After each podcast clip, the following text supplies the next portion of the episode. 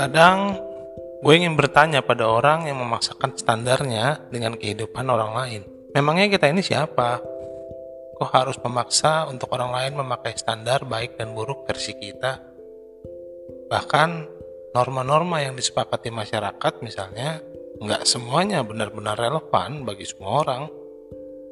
Tentu bukan maksud gue buat menghasut agar nggak mati norma ya.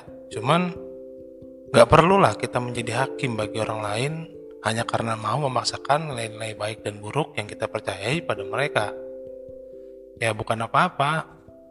Memang baik mengingatkan orang lain.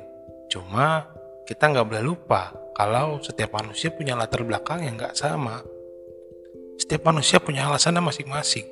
Coba deh, dengar dan lihat sendiri dunia mereka kayak gimana. Dengan begitu, kita bisa stop untuk mengomentari keburukan orang lain yang bersumber dari ketidaksesuaian perilakunya dengan standar baik dan buruk yang kita percayai. Ya, kadang mengerikan dari kita itu bukan sebuah pertikaian semata, tapi lebih ngeri lagi ketika kita bertikai karena saling menyalahkan tapi enggan untuk mencoba saling mendengarkan dan memahami. Kalau semua perbedaan perspektif dijadikan masalah, apakah yang salah itu perspektifnya? Tentu enggak kan? Manusianya aja yang keliru karena ingin memenangkan egonya sendiri-sendiri.